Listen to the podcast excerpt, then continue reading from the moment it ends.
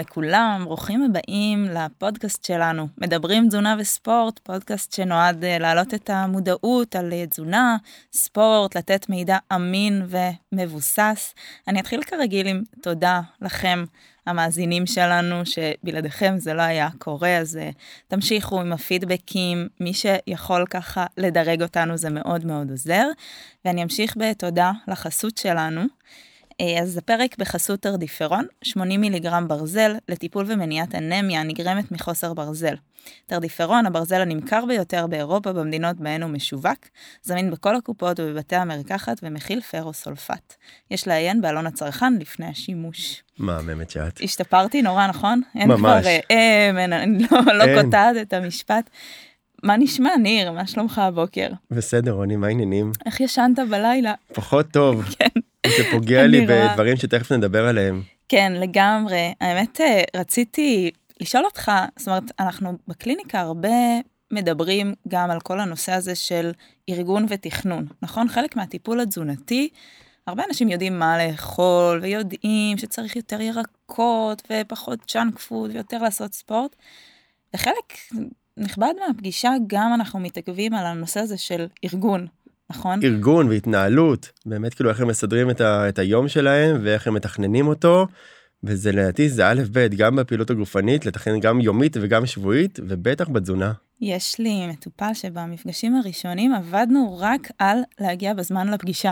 אז ברגע שהוא הצליח הצלחנו לעשות פגישה כמו שצריך ולא מזמן הייתי בכנס של דיאטניות שנבצר ממך להגיע והייתה שם הרצאה על אה, הפרעת קשב ועל הקשר שלה לתזונה, ופתאום נפלו לי מלא אסימונים, שהרבה פעמים הקושי בארגון הוא קושי הרבה הרבה יותר רחב, ואחרי ששמעתי את ההרצאה הזאת, אה, פניתי למומחית אה, בתחום הזה, והזמנו אותה אלינו כאן לפודקאסט לדבר בדיוק על הנושא הזה של הפרעות קשב והקשר לתזונה.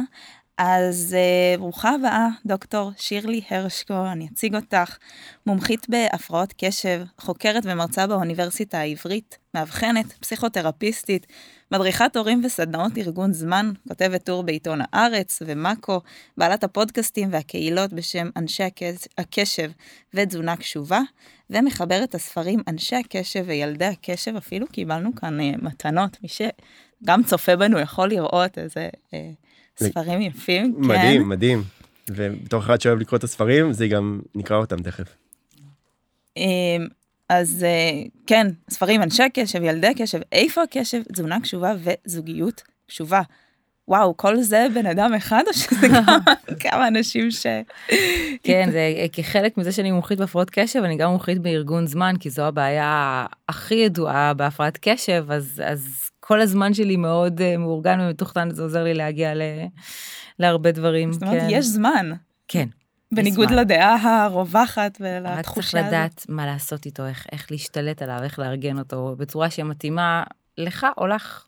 וואו, טוב, אז תודה שהגעת, מה שלומך היום? בכיף, מעולה, ממש טוב. האמת שאני סוגרת פה מעגל, כי כשאמרתי את הכתובת של המקום, היא הייתה נשמעת לי מוכרת, ועכשיו שהגעתי גיליתי שזה המקום שנפגשתי עם המנחת תזה שלי לפני איזה 10-15 שנה, והתייעצתי איתה על מה לעשות דוקטורט, והיא אמרה לי, לכי, לכי לכיוון של הפרעת קשב ותזונה, זה קרה וואו. בדיוק כאן, אז זה ממש סגירת מעגל. מדהים. וואו, זה מדהים. מטורף. ממש. ולפני שאנחנו קופצים באמת להפרעת קשב עם תזונה ונדבר על הדוקטורט כי הוא סופר מעניין ואני מודה שהקשבתי לך להרבה פרקים.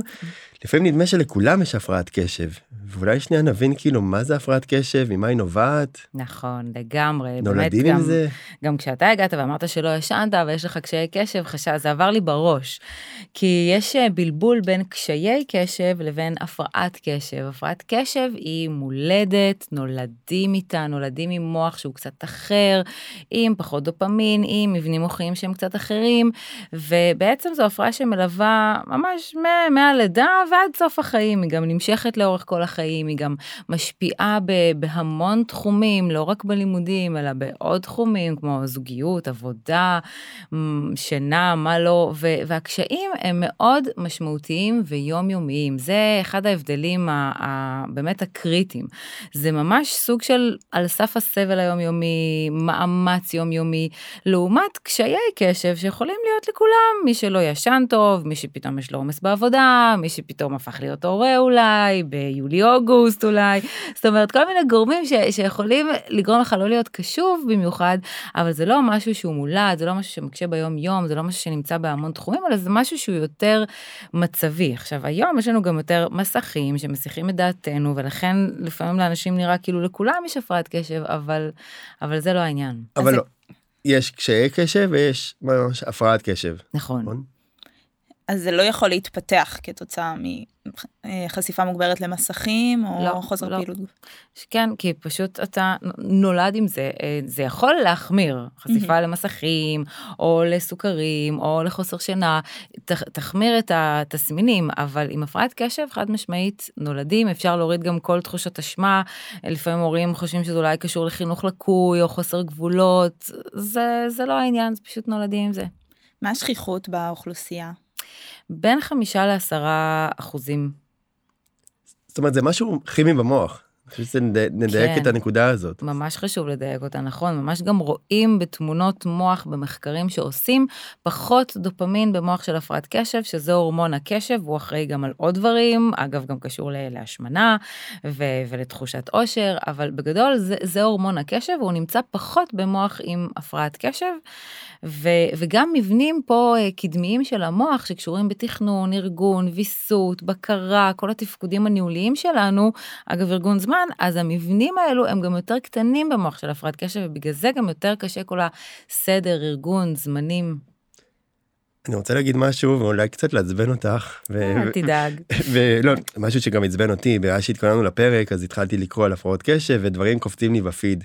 ופתאום אתמול קפץ לי שהפרעת קשב זה בכלל משהו שהומצא בשביל לקחת תרופות וזה ממש קפ, קפץ לי עם כתבה כזאת אמרתי רגע אני חייב לשאול אותך למרות שזה קונספירציה קונספירציה שכאילו ממש קפצה לי כי התחלתי לחפש ו, וזה לא בתוך השאלות שלנו אבל זה פשוט mm-hmm. אני חייב את תגובתך. אז אני יכולה להגיד לך שלפני 20 שנה כשנכנסתי לתחום זה הדבר הכי שכיח שהיו אומרים לי שאין דבר כזה הפרעת קשב ובטח שלא אצל אנשים שהם יותר בוגרים היום כבר אומרים לי יותר את הלכולם יש הפרעת קשב כמו שאתם באמת התחלתם עם זה אבל לפני 20 שנה הייתי צריכה כל הזמן לספק הסברים על זה שזה לא דבר מומצא, שקודם כל כבר כמעט 100 שנה ממש חוקרים את זה בצורה מסיבית ויודעים שזה קיים, יש לנו ממש מחקרים שמראים הבדלים מוחיים ממש בסריקות מוח, וקשב הוא פשוט שקוף, אי אפשר לראות את זה, נגיד בן אדם שהולך אה, עם אה, משקפיים, או בן אדם על כיסא גלגלים, אז אנחנו רואים את זה, אנחנו לא יכולים להתווכח עם זה, טוב, כנראה שהוא לא רואה טוב, הוא עם משקפיים.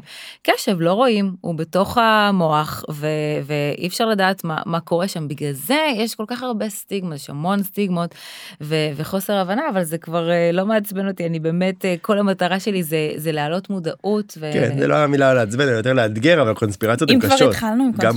קונספירציות ומיתוסים, אני שמעתי שהרבה הורים אה, חוששים ללכת לבדיקה לילדים, כי הם אומרים, תמיד ימצאו משהו. Mm-hmm. אולי גם נקודה ששווה. כן, כל נושא האבחונים הוא, הוא חתיכת אישו. קודם כל, אם הולכים לאבחון שהוא נכון, מדויק, מעמיק, אצל איש מקצוע, שיש לו באמת המון שנים של ניסיון בתחום הזה ספציפית של הפרעות קשב, אפשר לדעת שהאבחון יהיה סופר מדויק. אני, הסיבה שבכלל נכנסתי לתחום, זה לא בגלל שיש לי בן זוג עם הפרעת קשב ובנות עם הפרעת קשב כמו שתמיד חושבים, אלא בגלל שכשלמדתי תואר ראשון בפסיכולוגיה פשוט התאהבתי בתחום הזה בגלל שהוא כל כך מדויק, יש כלים כל כך טובים לאבחון, כל כך אפשר לדעת אם יש, אם אין, אם יש אולי משהו אחר, וגם הכלים לטיפול הם נורא מדויקים ונורא עוזרים, וככה ממש אפשר לקבל בן אדם, ותוך מספר חודשים לשנות את כל החיים שלו, רק בעצם האבחון המדויק וה, והטיפול המדויק. אז, אז איך אה, מאבחנים באמת?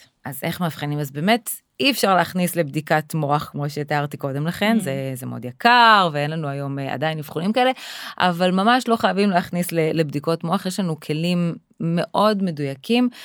בגדול זה הפרמטר הראשון לאבחון זה ראיון קליני עם רופא מומחה במשך שלושת רבעי שעה, אוקיי? לא חמש דקות בקופה, זה לא אבחון.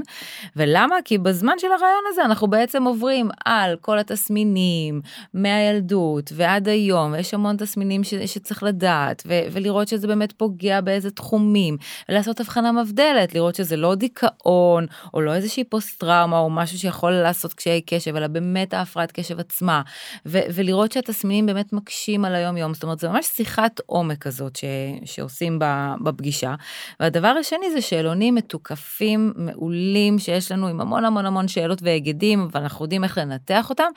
אלו שני דברים שחייבים גם לפי משרד הבריאות, כן, זה לא המצאה שלי, בשביל לאבחן הפרעת קשב. הבעיה מתחילה שכולם חושבים שאבחון הפרעת קשב זה איזה מבחן טובה, או מוקסו, או בירסי, שזה בעצם מבחן ממוחשב, שהוא בכלל נועד לבדוק את ההשפעה התרופתית לפני ואחרי, ולראות אם, אם התרופה עובדת. נכון שהוא נותן לנו גם מידע, לא חובה להשתמש בו, אבל אנחנו כן משתמשים בו כדי לראות, יש שם גם בדיקה של קצת תפקודי קשב, וגם אנחנו יכולים לראות אם התרופה הספציפית שנתנו עבדה, כן, לא, אבל לא על בסיס זה מאבחנים, יש המון טעויות בעניין הזה, יכולים להיות ילדים שהם אינטליגנטים נגיד מאוד, או עם מוטיבציה מאוד גבוהה, הם באים למבחן מוקסו, הם מפרקים אותו, הם יוצאים בו מצטיינים, אז חושבים שאין להם הפרעת קשב, אבל זה מבחן של רבע שעה, בחדר סגור, בלי מסיכים, ברור שאפשר לעבור אותו, אז חשוב לי באמת להסביר שלא ככה מאבחנים, אלא רק על ידי ראיון קליני עם רופא מומחה שנמשך לפחות שלושת רבעי שעה. אולי נדבר קצת על איך נראית הפרעת קשב, כדי כן. שמי שמאזין לנו ופתאום כזה עולים לו כל מיני נקודות נכון, ידיים, כדאי נכון. לו, שווה לו לעבור אה, אבחון שכזה. אז אני ממש יכולה לתאר את התסמינים בספר האבחנות הפסיכיאטרי ה-DSM, ש... שמסבירים מה זו הפרעת קשב, איזה תסמינים אנחנו בעצם מחפשים. חשוב לי לציין שיש תשעה תסמינים עיקריים, וצריך לזהות לפחות שישה. זאת אומרת, לא לכולם יהיה את כל התשעה, כי לפעמים אומרים לי, מה, אבל, אבל היא לא מבולגנת, אז אין לה הפרעת קשב. זה לא אומר, זה אחד מתשעת התסמינים, ויכול להיות שלא יהיה את התסמין הזה, ואפילו יותר לכיוון ה, מה שנקרא OCD ו-over סדר. וגם להפך, בדרך כלל שעושים איזה אבחון, אז אתה אומר, hey, יש לי את זה, ויש לי את זה, ויש לי את זה, ואז אתה מאבחן את עצמך. נכון, נכון, אז צריך לזהות לפחות שישה. אתה יודע כמה אוקיי. מחלות הבחנתי לי בתואר? כן. אוי. ואת סופר בריאה. אז, אז בעצם התסמינים של, של הפרעת קשב זה קודם כל דחיינות, כן, יש לנו קושי בתפיסת זמן פה וקושי להניע. בעצם הורמון הדופמין זה הורמון המוטיבציה או ההנאה עם עין של דברים. יש, יש, אוקיי, מעולה. אז יש לנו דחיינות, יש לנו... אה, יש לנו בעצם אה, קושי לשמור על קשב לאורך זמן יותר מבין 5 ל-15 דקות, זה טווח הקשב בהפרעת קשב, בין 5 ל-15 דקות. גם כאן חשוב לי לציין שבמשהו שהוא נורא נורא מעניין, זה הכלל הזה מתבטל. זאת אומרת, ילדים שעכשיו ההורים אומרים לי, מה, אבל הוא יושב שעות במשחק לגו שלו, במשחק מחשב שלו, בציור שלו. הדבר שמאוד מעניין, שם במוח של הפרעת קשב מופרש over דופמין ואז אפילו גם קשה להפסיק את הפעילות הזו ולא שומעים ממטר ואנשים נגיד שהם וורקוהולים שמתים על העבודה שלהם הפרעות קשב שוכחים לחזור הביתה אבל בגדול בכל מה שלא מאוד מאוד מעניין יש טווח קשב של 5 עד 15 דקות. דופמין שזה... סלקטיבי לא ידעתי שיש לו. כן כי הפרעת קשב זה לא ש... אין קשב, אלא יש קושי בוויסות שלו. Mm-hmm. אז או שאין אותו בכלל ברוב הפעולות, זאת אומרת בכמות מעטה, או שיש אותו באובר במשהו שנורא מעניין, ולכן למשל בבית ספר קשה מאוד לילדי הקשב להתרכז, כי השיעור הוא יותר מחמש דקות והוא בדרך כלל לא מעניין.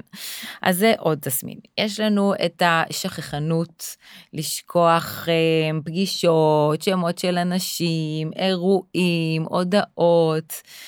יש לנו את העיבוד חפצים שעורכים את הסוואטשרט בהסעה, או איפה המשקפיים שלי, איפה הארנק שלי, איפה, איפה, איפה, שאלת האיפה נשמעת הרבה מאוד פעמים בבית עם הפרעת קשב. יש קושי להבין אה, הוראות וגם להתנהל לפי סדר פעולות, בגלל זה נורא קשה ההתארגנות בבוקר או בערב, זה דורש המון פעולות אחת אחרי השנייה אחרי השנייה בסדר מסוים, אז גם צריך שם אה, הרבה עזרה. אה, אלו ככה התסמינים, המוסכות כמובן, את זה לא אמרתי, מכל דבר קטן, פתאום מישהו עובר מאחורה, מדבר, פתאום אני שמה לב לאיזה קמט בחולצה, מוסכות מכל דבר או חיצוני או פנימי, מחשבות שהן אה, נודדות ו- ולוקחות אותנו למקומות אחרים. אלה תסמיני הקשב. יש גם תסמינים להיפראקטיביות, כי בעצם יש שני סוגים של הפרעת קשב. זה ADD ו-ADHD, נכון? בדיוק, אז, אז התסמינים שתיארתי עכשיו יש בשני הסוגים. הסוג של ה-ADHD ADHD, שנוסף לו פה ה-H, ההיפריות, אז שם יש לנו גם תנועתיות, תזזיתיות, מדברים המון, מקפצים, קשה להם לשבת במקום, כל הזמן עוצרים אותך ב... כשאתה, כשאתה מדבר וקוטעים אותך, זה תסמינים שהם יותר היפרים ואימפולסיביים, אבל לא חייבים לראות אותם, כי באמת יש שני סוגים. כלומר הסטיגמה הזאת של הילד שלא יכול לשבת בשיעור ומפריע למורה זה לא, זה לא בהכרח. זה בדיוק, בגלל זה הרבה יותר מפספסים את הבנות למשל, שהן יותר ADD, הן פחות עם ההיפריות, ואז הן יושבות, הן לא מפריעות בכיתה, אבל הן לא שם, הן מוסכות, הן חולמות, הן מעופפות, הן בעולם משלהן, הן לא בשיעור, והמורה אומרת, מה, אין שום בעיה, היא חכמה, היא מתוקה, היא מקסימה, היא לא מפריעה בכלל, אבל, אבל היא לא איתה, והיא ממש לא תוכל, מה שנקרא, לנצל את מלוא הפוטנציאל שלה. כש... כשיש לה הפרעת קשב. אנשים עם הפרעת קשב. סובלים מסטיגמה, כמו כן. הרבה אה, הפרעות שקופות נכון. או לא שקופות. ואני חושבת שגם זה ח... חלק ממה שהורים אולי חוששים אה, ללכת לאבחן כדי שלא יהיה את הסטיגמה. נכון. אז תספרי לנו קצת על הסטיגמה ו... כן, יש כל לעשות. כך, כל כך הרבה סטיגמות בהפרעת קשב, ונתחיל מהדבר הכי מרכזי שבאמת הורים, ולא רק הורים, גם מבוגרים, לא רוצים שיהיה עליהם את התווית הזו של ההפרעת קשב, כי אז אולי הם ישתמשו בזה כתירוץ, או אולי יסתכלו עליהם אחרת. הבעיה בהפרעת קשב, שאם לא מתייגים אותה או מאבחנים אותה, אז התיוגים יהיו אחרים. ילד שיש לו הפרעת קשב, מרגיש שמשהו אצלו שונה. ואם לא אומרים לו שיש לו הפרעת קשב, ולמה היא, לא, איך היא מתבטאת, ומה היא גורמת, ואיך אפשר לעזור לו, אז הוא מתחיל להמציא לעצמו כל מיני הסברים אחרים למה הוא מתנהג ככה. אז אולי הוא עצלן, שזו מילה שאני שומעת המון, או אולי הוא פשוט טיפש, או דפוק, או אימפולסיבי, או כמובן גם על בנות, לחוצה, אמ, כל, כל מיני דברים. וואו, זה ממש אמ, קשה לשמוע את זה. הרבה יותר קשים, הרבה יותר קשים. זה קש... יש לזה השפעות ארוכות טווח, כי בסוף mm. אנשים מאמינים לעצמם. נכון, וגם, וגם הסביבה הרבה פעמים מתייגת ככה. הרבה הורים אומרים לי, לא, הוא, הוא פשוט עצלן.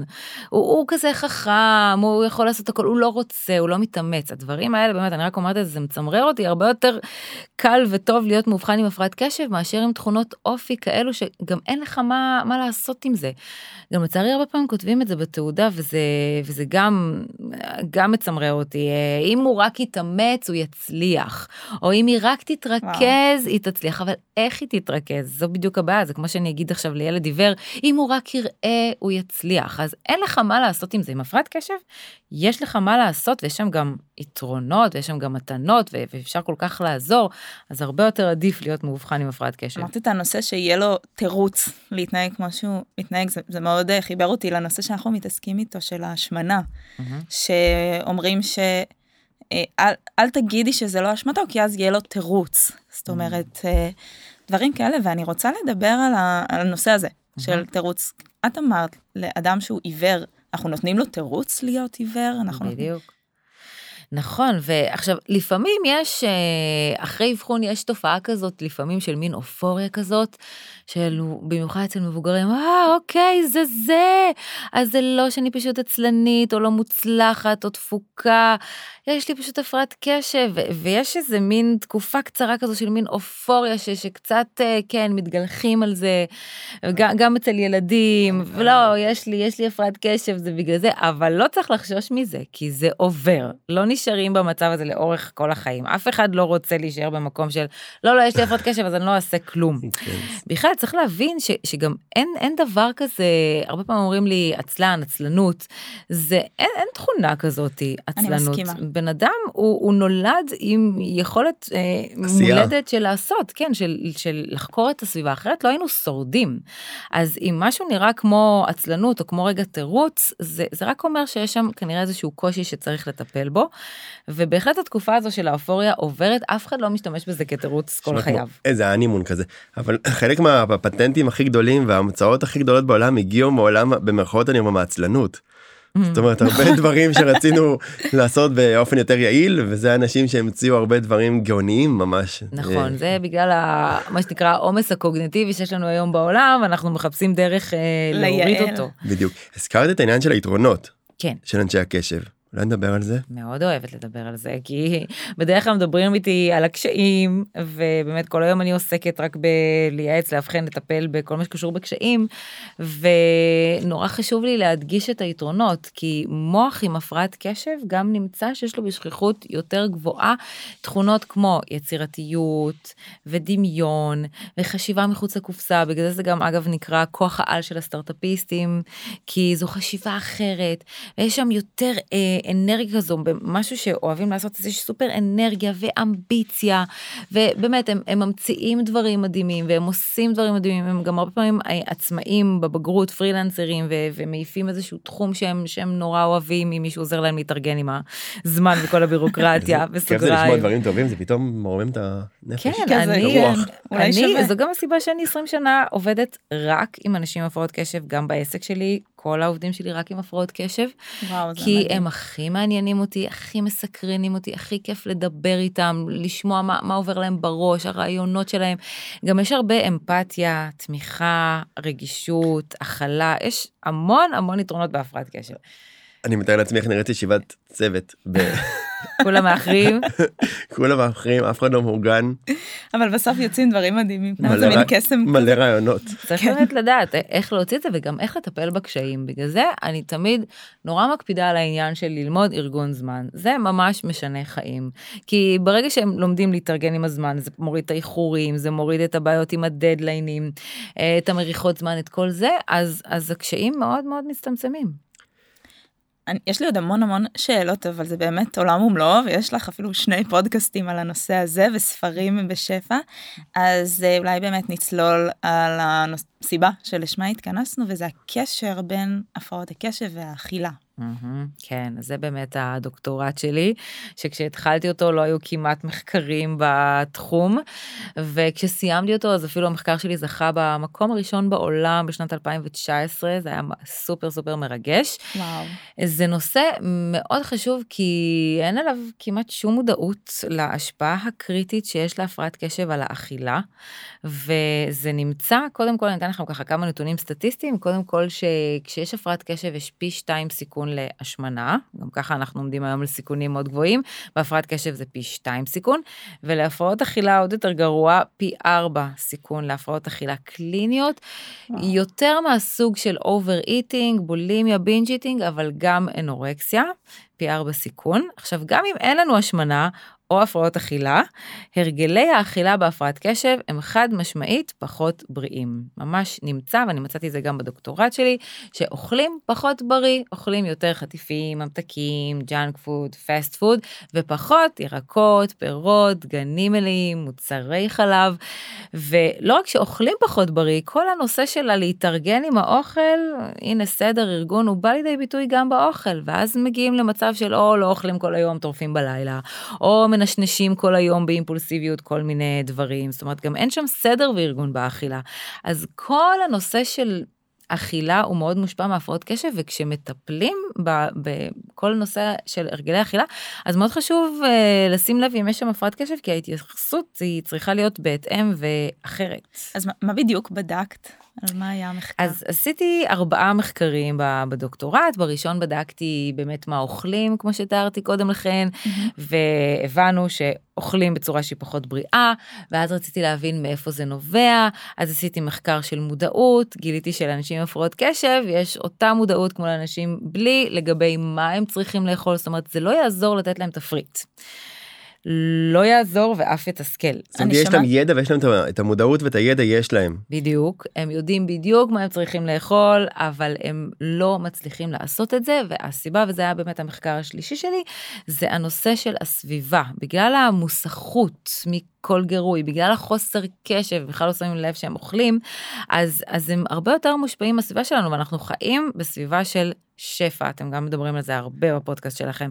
וברגע שהם רואים בורקס, אמ, הסיכוי שהם יצליחו לעצור את עצמם. זה המחקר בקפיטריה?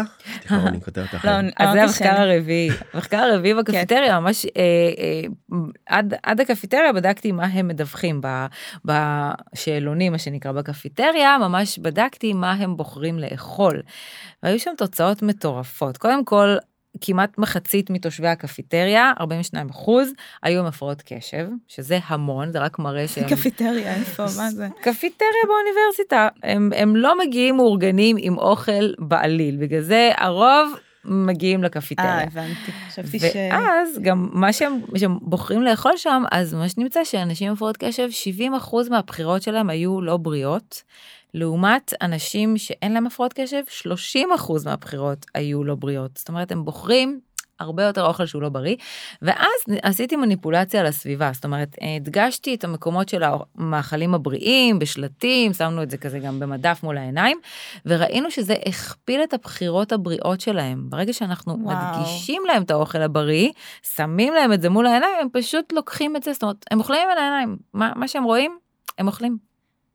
אוכלים, כן, אני שומעת לא, לא מעט את המשפט, זה לא, זה לא אני, היד פשוט לקחה את האוכל ו- ואני רק בדיעבד הבנתי. וצריך להבין שבאמת אין להם שליטה על זה, נגיד הורים... מספרים לי על, ה, על הילדים, כל כך הרבה סיפורים, למשל אה, על ילדה שהשאירו את העוגת ביסקוויטים מהשבת במקרר, ויום ראשון ההורים חזרו מהעבודה בערב, כל העוגה חוסלה. והם אומרים לי, מה זה, מה זה ההתנהגות הזו, לא יכולה לעצור את עצמה, וגם חסרת התחשבות, לא השאיר לנו אפילו חתיכה.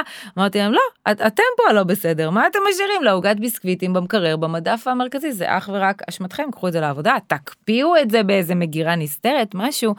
אבל זה באמת, צריך להבין שזה חסר שליטה, וגם לפעמים אומרים לי, אבל עד מתי, עד מתי אני צריך להכין לה, או לא כריך לבית ספר, או כזה סלט שיחכה לה במקרר, ואני אומרת להם, מה זה עד מתי? לנצח. גם אני, אם אני לא אכין לבן זוג שלי שהוא היום בן 47, את הכריך שלו בבוקר, או ארוחת צהריים שתחכה לו, אז מה הוא יעשה? הוא ייקח פיתות עם חומוס ו...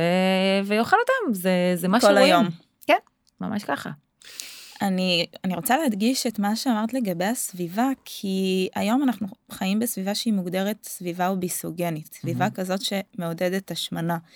אם תשימו לב, תלכו ברחוב, תראו כמה גירויים יש, כמה בתי קפה, כמה מאפיות, כמה שלטים ענקיים עם פרסומת של מקדונלדס, של לא משנה של מה זה בטלוויזיה, זה בכל מקום. Mm-hmm. וברגע שיש סביבה שכזאת, עם נטייה שכזאת, אז באמת האופציות הופכות להיות uh, הרבה יותר דלות, והקושי הולך ומתעצם. ממש, זה ממש בלתי אפשרי, זה ממש לשים לחתול את השמנת, זה, mm-hmm. זה ממש ככה. בגלל זה כל מה שאני עוסקת בו בנושא של טיפול בהפרעת קשב ותזונה, ועל זה כל הספר שלי, זה איך להתארגן עם העניין הזה. זה לא מה אתם צריכים לאכול, גם אין שום מאכל שיעלים את הפרעת הקשב, אולי גם זה חשוב להגיד, אוקיי? כמה שאני אוכל עכשיו דג סלמון, אומגה 3, לא יודעת מה, אין שום תוסף תזונה, אין דבר שיעלים את הפרעת קשב, כי אין דבר שיכול לאזן לי אה, את הדופמין במוח, שם את הקולטנים שעובדים לא, לא טוב. אבל אה, איך להתארגן עם התזונה, וגם מול כל השפע הזה, זה משהו שחייבים לעבוד איתו. אני מאוד מאוד מאמינה שבתהליך של טיפול צריך באמת אה, קודם כל להבין את ה... מה קורה לי ומה הסיבות, כלומר, להפוך את האני דפוק ל...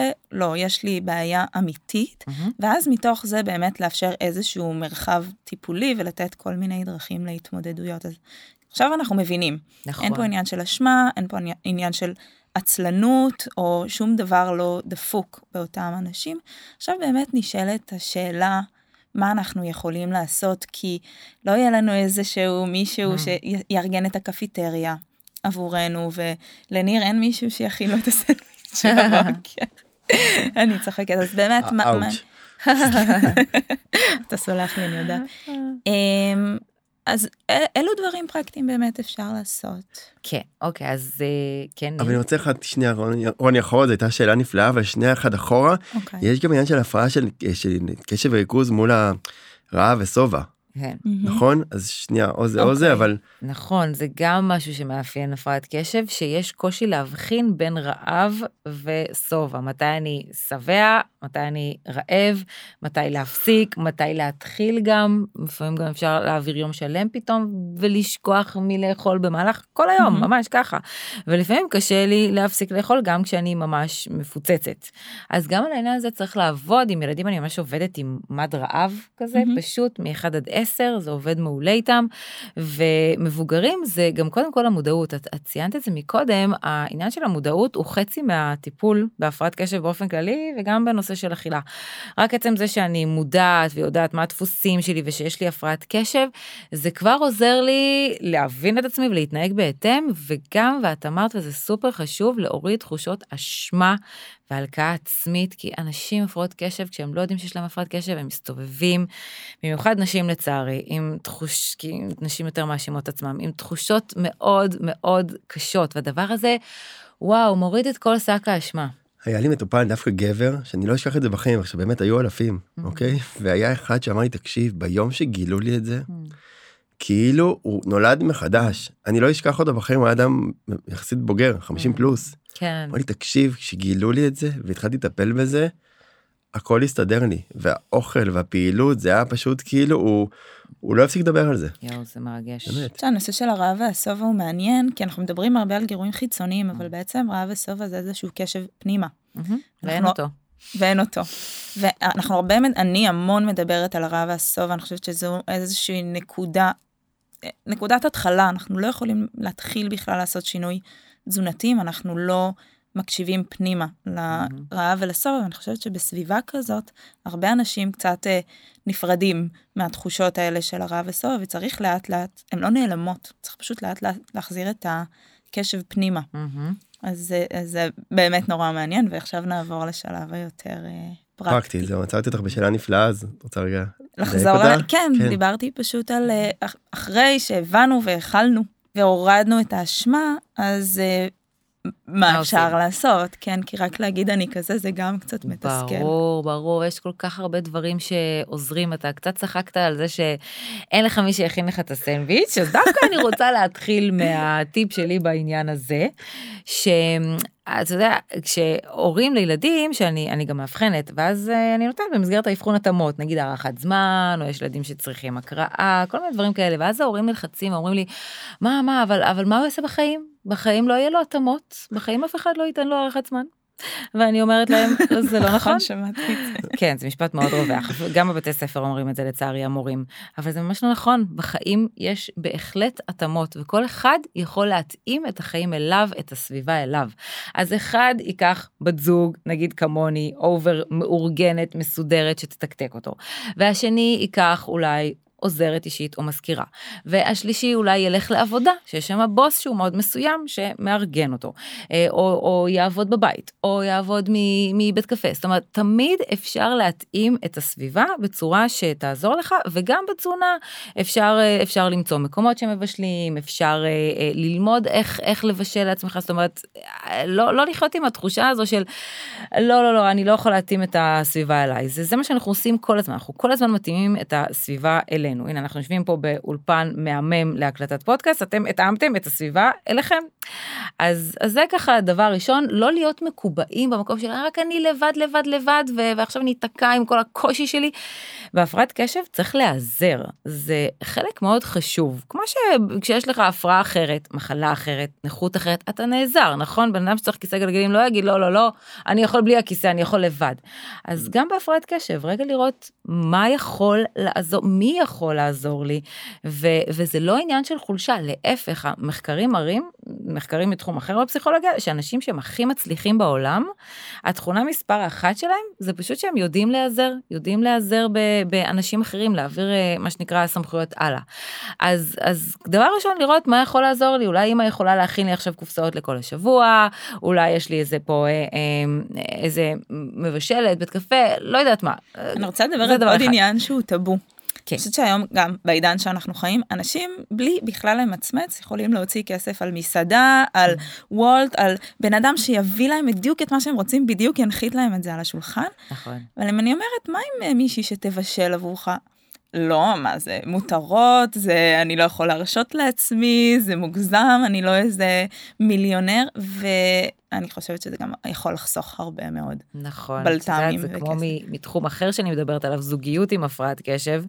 אז uh, אני תמיד אומרת לזוגות שבאים אליי, עוזרת בית זה must בבית עם הפרעת קשב, סורי. ותמיד יש את המשפט הזה, מה זה מלא כסף, אנחנו לא יכולים, ואז אני אומרת להם, אתם יודעים כמה, כמה זה יחסוך לכם בגירושין, כמה זה יחסוך לכם מלהגיע אליי, אני יותר יקרה מעוזרת בית. נכון. אז צריך, צריך, כמו שאת אומרת, לעשות את, ה, את החישובים הכלכליים שלך, אבל, אבל זה בוא נגיד רק דבר אחד, יש עוד דברים כמובן שאפשר, אה, שאפשר לעשות. אני רושם פה טיפים לזוגיות. אוקיי. אחד, עוזרת. עוזרת. שתיים, להכין סנדוויץ'. זה התאמה שלי. כן, הרבה פעמים באבחון אומרים לי, את יכולה לכתוב לי את זה כהתאמה. בדיוק. אז אה, אין בעיה, אני כותבת. אה, עכשיו, מה עוד אפשר לעשות אה, באמת? אז אני מאוד ממליצה, מה שנקרא, לסדר את הסביבה בהתאם. אפילו להתחיל מהמקרר, אוקיי? תפתחו את המקרר שלכם, ותתחילו לסדר אותו. בדרך כלל זה תוציאו את כל הירקות והפירות מהמגירה הסודית למטה, ושימו אותם במדף מול העיניים שלכם. רצוי גם לפפונים קטנים, עגבניות שרי, דברים כאלו שכשאתם תפתחו את המקרר, אמרנו, אוכלים עם עיניים, זה מה שתראו וזה מה שתוכלו לנשנש. את כל ה... לא יודעת מה, פשטידות, פסטה, אותם תתקעו למטה במגירה הסודית, ואף רצוי להקפיא אותם, זאת אומרת שממש לא יהיו לכם זמינים. אם יש לנו ילדים עם הפרעות קשב, אנחנו לא נשים להם מגירת ממתקים מפוצצת אה, למטה על הרצפה הכי נגישה בעולם, אוקיי? נקנה קצת ממתקים, נשים את זה בארון למעלה, זאת אומרת ממש לעשות סידור, אני קוראת לזה ארכיטקטורה תזונתית, סידור אגב, מחדש. אגב, מגירה סגורה ולא על השיש או על איזה מדף וואו, עם כל הקורן פוקסים.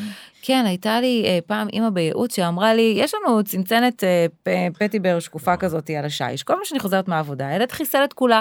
ניסיתי להעניש אותו, מה לא, וזה לא עזר. מה להעניש? אני רואה צנצנת שקופה עם פטיבר, אני לא, אני לא עומדת בזה. נכון. זה מאוד נכון, צריך להבין שזה רחוק מהעין, רחוק מהפה. ממש ככה. ובהפרעת קשב, הרבה יותר חשוב, כן. וגם להבליט את המאכלים שאנחנו רוצים, רוצים כן. לאכול. אבל אצלי באמת אין שום דבר על השיש או על הדק כאילו והכל בפנים בכל בפנים גם הדברים הטעימים וגם הדברים הפחות אבל כאילו הכל בפנים שאתה נכנס אתה לא רואה אוכל. אצלי יש אה, קערה עם אה, פירות צבעוני. וואלה. אצלי נכנסים רואים את האופני כושר.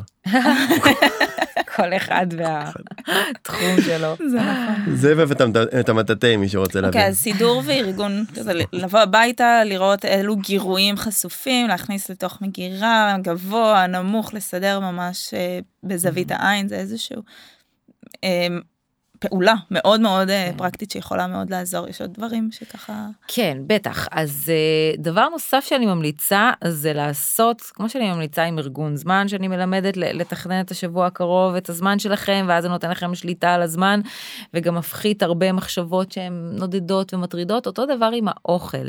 אם אתם ממש רוצים להיכנס להרגלי אכילה שהם ברירים בריאים אז צריך לעשות תכנון אה, שבועי של האוכל שלכם או לפחות נגיד חצי שבועי לימים הקרובים.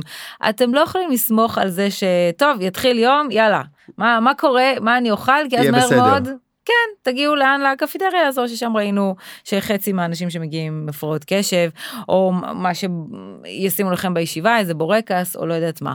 אם ממש רוצים לפתח רגלי אכילה בריאים, אז צריך רגע להסתכל, או נגיד יומיים שלושה קדימה, או שבוע קדימה, למתקדמים מה שנקרא, ו- ולתכנן מה אני אוכל. זה לא חייב שאתם תבשלו את זה בעצמכם, אבל לפחות איזשהו תכנון של מה יהיה שם, ולממש יותר מתקדמים, וזה אני כבר ממש מסבירה בספר שלי ובקורסים, עושים, זה, זה לבשל פשוט מראש לשבוע שלם נגיד קדימה, ולאחסן.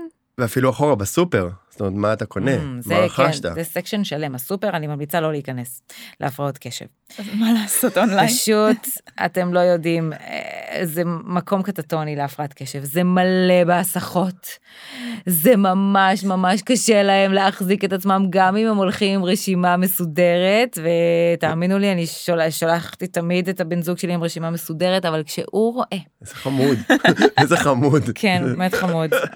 אבל כשהוא יראה מבצע על ספרי שמן אז הוא יחזור לי הביתה, וזה כבר קרה עם ארגז של 18 ספרי שמן, כי זה היה במבצע, והוא לא יכל לעמוד בפני המבצע הזה. יש לך ספרי שמן לכל החיים. היה לי ספרי שמן לאיזה שנה וחצי, כן. בסוף הוא נגמר, והוא כל כך שמח, את רואה, וזה נגמר, וזה נגמר. אבל... אחרי שנה וחצי. כן, אני התחלתי לחלק לכל מיני שכנים, אנשים. מבצעים מאוד קשה לעמוד בפניהם, וגם כל ההסחות, והאוכל שמוכרים, הרי מסדרים לך את הסופר כדי שתקנה דברים מסוימים. אז אני, אני, אם יש אנשים באמת אה, שיכולים ללכת עם רשימה ולדבוק בה, מעולה, זה פחות הפרעת קשב בדרך כלל, אז אני ממליצה על כן יותר קניות באינטרנט, ששם יש הרבה יותר שליטה ולא רואים את הדברים, אפשר גם לפתח רשימה מסודרת, זה גם חוסך המון זמן כמובן, או אפילו ללכת למכולת. ואז תמיד אומרים לי, אבל זה יותר יקר, אני אומרת להם, לא, זה הרבה פחות יקר, כי אתם תקנו כל כך פחות מהקנייה של ה-700 שקל בסופר, אתם לא תגיעו לזה בחיים. האמת שסופר זה באמת מקום קשה. קשה מאוד. ממש אה, עושה סחרחורת ברגע הראשון ש...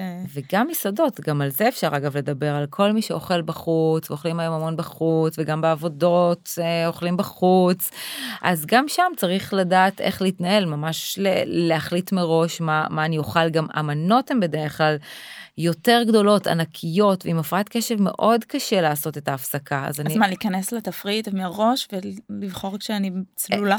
כן, אפשר, ואפשר גם, אה, גם מראש את המנה שהזמנתי לבקש שחצי יארזו, כי הסיכוי שאני אצליח לעצור באמצע הוא יהיה קטן. או ממש להזמין מנה-מנה, נגיד ש, שזוג הולך למסעדה, לא להזמין את כל השלוש-ארבע ביחד, מנה-מנה, ואז כזה זה גם נותן... הסיפור זמן... הזה של לעצור בסוף, אני חושבת שהוא קשה לכולם, כי בעצם בעצם אנחנו אבולוציונית רוצים לאכול כמה שיש. נכון. כי אנחנו חיים עדיין, עדיין לא בתודעת שפע, זאת אומרת שאנשים עם הפרעת קשב אפילו מתקשים עם זה עוד יותר? עוד יותר, עוד יותר, וואו. ממש ממש קשה, עינוי, הם, הם, הם פשוט, זה החוסר קשב, זה פשוט מין נשנשת כזאת, ו, ו, ולא שמים לב. זה מדייק נקודה שגם אנחנו כמטפלים צריכים כל הזמן להסתכל על זה הרבה יותר רחב, רחב. נכון. ושתיים, שלהוציא את השטות הזאת שנקראת תפריט. כן. כי זה חלק מאוד קטן מהטיפול. בסדר, לפעמים צריך לכתוב אותו, ואני גם כותב אותו, אני מודה, אבל אני כותב אותו כ- כצורך, כי כאילו mm-hmm. קצת מצמידים אותי עם הגב לקיר, ואני אומר, זה בפנים... גם איזשהו רעיון, רעיון לסדר יום, זה לא, תפריט, יש בו איזושהי מחשבה של... אני חייב לעמוד בזה במאה אחוז, ואם לא, אז נכשלתי. כן, אני כותב הרבה פעמים למעלה, או כעוגן. Mm, אני כן. כותב ממש את המילה עוגן, ו- ולא להגיע למצב של רעב, כאילו הרבה מההנחיות מעבר לתפריט הזה, כי, כי היום יום הוא לא תפריט.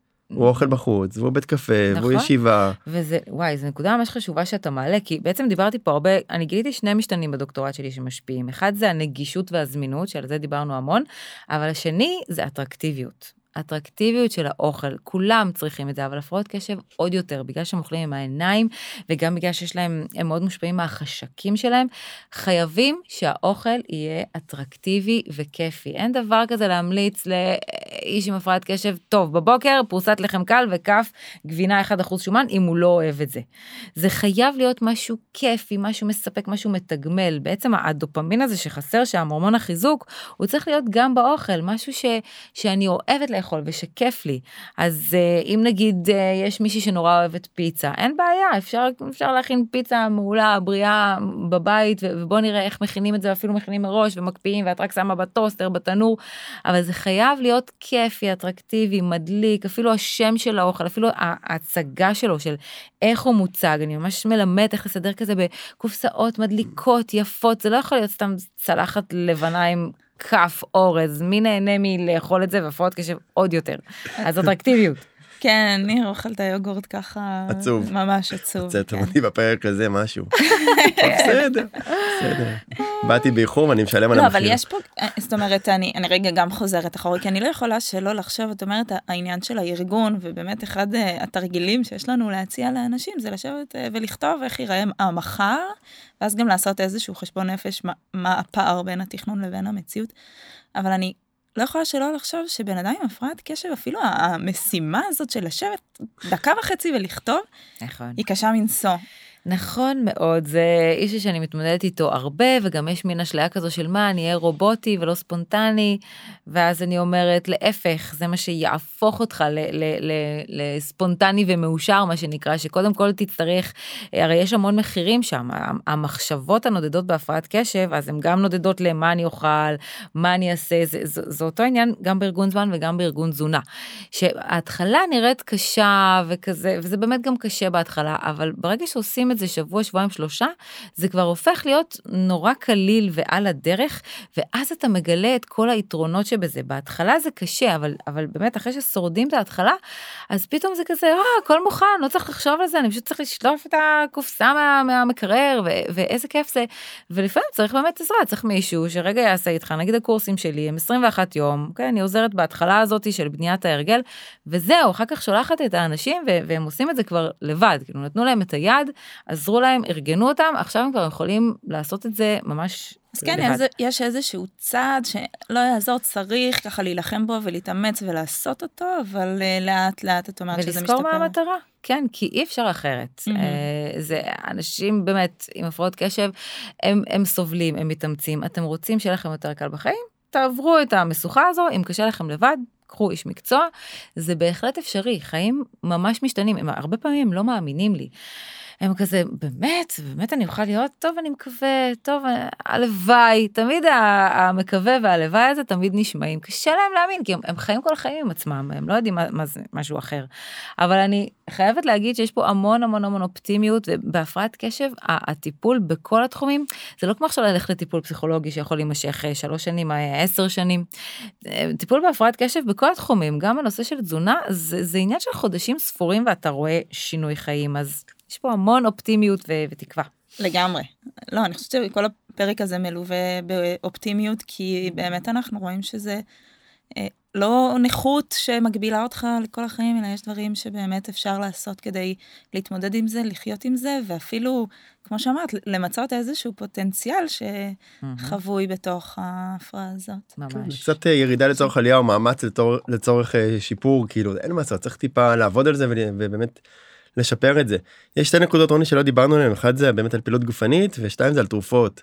אז אה, כן פעילות גופנית אנחנו חייבים זה נושא שעולה בכל פרק אז אוקיי. אה, נושא חשוב בגלל נכון. עובדה מטורפת שמצאו במחקרים שאחרי הטיפול התרופתי בהפרעת קשב המקום השני הדבר השני שהכי עוזר בהפרעת קשב זה ספורט. בגלל זה אני מכריחה את כל מי שמגיע אליי לעשות ספורט, גם שם צריך לעזור בהרגלים והתמדה, אבל זה אפשרי, זה פשוט מפריש מלא דופמין. אז יש לנו פה בעצם שתי, שתי שאלות, אוקיי? שאלה אחת זה איך ההפרעות קשב משפיעות על הפעילות, וגם הפוך, איך הפעילות משפיעה על ההפרעות קשב.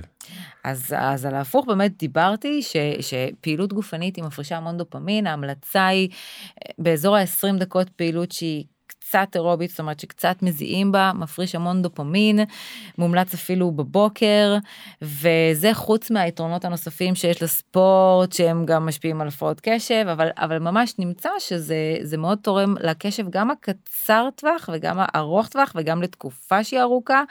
זה באמת, זה מדהים, זה מקום שאני אחרי תרופות, זה, זה, זה זמין, זה חינמי גם הרבה פעמים, זה ממש חבל לפספס את, ה, את הדבר הזה. אז כאילו uh... תמיד אומרים שאין כזה דבר תרופות קסם אבל mm-hmm. פעילות גופנית זה כן, תרופת קסם זה עוזר להכל זה פשוט עוזר להכל. עוזר כן. הסלוגן של just do it זה כאילו אין מה לעשות זה בול בפוני. כן. וזה מתחבר לצד ההפוך של איך הפרעות קשב מסתדרות עם ספורט הן לא מסתדרות עם זה טוב. אפשר קיקבוקס. למה היפר אקטיביות נשמע לי אולי שכן. נכון בדיוק באתי להגיד שההיפרים כן אבל ההיפר אקטיביות היא בדרך כלל יורדת בבגרות. זה גם תלוי באיזה גיל. נכון. כי ילד היפראקטיבי בתוך חוג שצריך עדיין להתרכז וצריך להבין משהו חדש וזה תמיד הילד זה שרץ עם הכדור והוא כאילו לא מבין מה התרגיל כן. אפילו אז הוא יכול להתפספס אני חושב שיש המון המון ספורטאים מפוספסים כי הם בסוף המאמן והמורה צריך גם סבלני להיות שם. נכון. אז קודם כל לגבי ספורטאים, זה עוד משהו מעניין שנמצא, ש-30% מהספורטאים המצטיינים עם הפרעות קשב, שזה רק מראה את הקשר, וואו. אבל גם אמרת חוג, חוג זה בעיה בהפרעות קשב, כי זה דורש התמדה, ומאוד קשה להתמיד בחוגים. אז אני ממש ממליצה למצוא את הספורט שהילד או אתם אוהבים, אוקיי? 300 סוגי ספורט, תמצאו את הספורט הזה. רצוי גם למצוא מדריך שמבין, זה גם מאוד עוזר. ו- ואפשר, אפשר למצוא את המקום הזה. בעצם הקושי בהפרעת קשב זה, זה ההתמדה ולשמור על הרגל, ו- וזה גם, אבל זה גם משהו שאפשר ללמוד אותו ו- ולעשות אותו, שמים נגיד, אם, אם לוקחים למשל מדריך כושר שהוא פעמיים בשבוע ואתה משלם לו הרבה כסף ואתה מתבאס להפסיד, או אפשר למצוא פתרונות גם לעניין הזה. אני חושבת שהמתאמנים שלי מבינים שהם אה, משלמים לי על לשריין את הזמן בלוז ובן אדם שאני לא יכול להבריז הם איתי כבר שנים אני אומרת להם אתם יודעים איך לעשות את התרגילים אבל אה, כן יוצר מחויבות טובה. אצלנו בבית אומרים עולה כסף שווה זהב. כן יש דברים שבאמת שצריך בסדר עדיפויות וכאילו זה באמת עולה כסף שווה זהב. נכון אנחנו גם יותר מעריכים דברים שאנחנו משלמים עליהם זה גם נמצא במחקרי פסיכולוגיה. אני מסכים. כן אז אמ, אולי באמת אה, אנחנו לא נצליח, לא נספיק אה, לדבר על הטיפול התרופתי לעומק, אבל אולי גם קצת על קצה המזלג, גם קצת על הסטיגמה, האם זה שווה. כן, נושא תרופתי זה... טוב, יש לי פרק שלם על זה של שעה שלמה בפודקאסט שלי, אנשי הקשב, אז, אז אתם יכולים ללכת לשם, אבל אני כן אגיד, נגיד, זה הדבר הכי חשוב לגבי טיפול תרופתי. שזה כן נמצא כמובן מאוד יעיל לטיפול בהפרעת קשב, כי זה מאזן את הנושא של הדופמין במוח ומאפשר להיות קשובים יותר מ-5-10 דקות גם בדבר שפחות מעניין, אבל מה שחשוב שם זה ללכת לרופא מומחה שיעשה את ההתאמה, כי הרבה פעמים יש היום 20 סוגים ומינונים של תרופות, וחלק מהן לא מתאימות, זה נורא אינדיבידואלי, אז בן אדם יכול לקחת תרופה להגיד לא, לא, זה הופך אותי לזומבי, זה גרוע, ולסיים בזה, אבל זה לא אומר שהתרופה לא טובה אה, לך באופן כללי, זאת אומרת, יכול להיות שצריך סוג או מינון אחר, אז לא לשאול בפייסבוק, באמת יש לי קבוצה בפייסבוק, אני לא נותנת להעלות שם פוסטים על תרופות, וואו. פשוט ללכת לרופא מומחה ולהתייעץ איתו, לעשות את ההתאמה, לנסות להיות בליווי. וברגע שעושים את זה, רוב הבעיות אה, נפתרות. אנחנו מדברים על נוירולוג?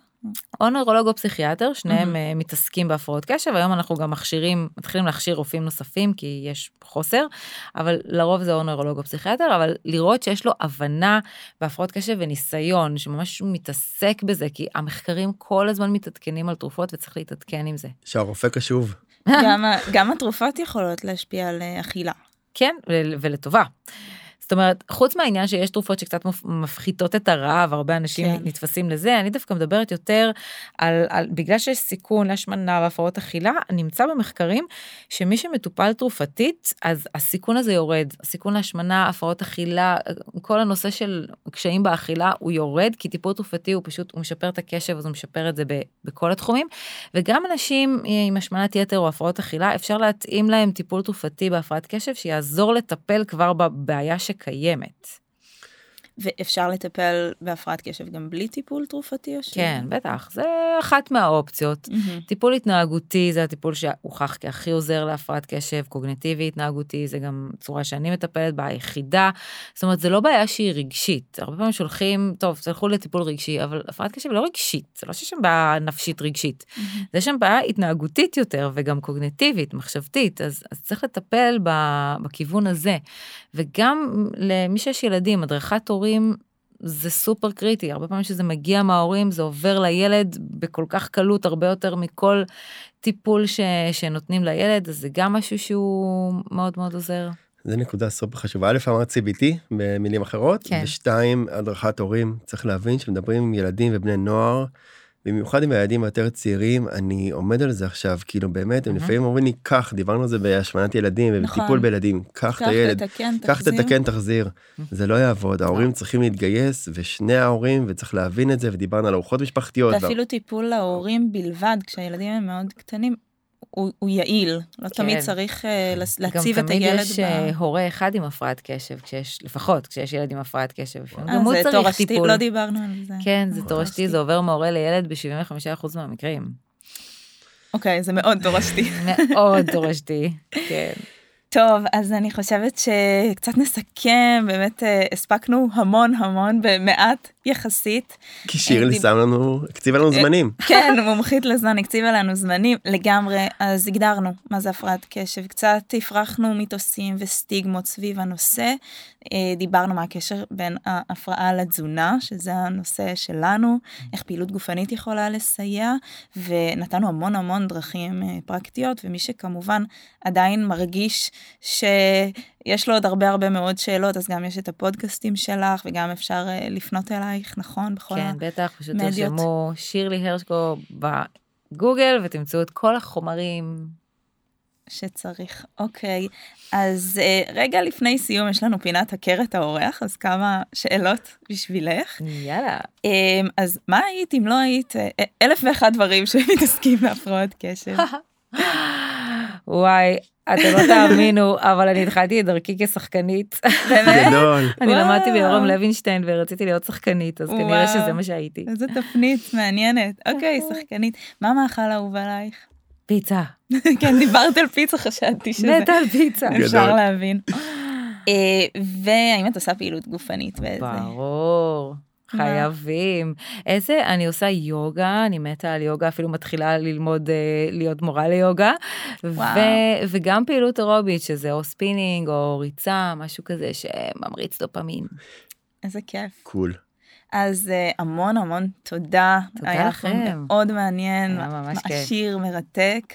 אז אה, כן. תודה רבה. תודה רבה, פרק מרתק, תודה. כיף, אני רוצה להגיד לכם. עוד כמה תודות, אנשים לא יודעים, אבל מאחורי הפודקאסט הזה אנחנו לא פה לבד, אז אני רוצה להגיד תודה לרז, העורך סאונד שלנו, ולאדם וקרן, עורכי הוידאו, ולדנה, עורכת התוכן, וכמובן לכם, למאזינים ולחסות שלנו, ש...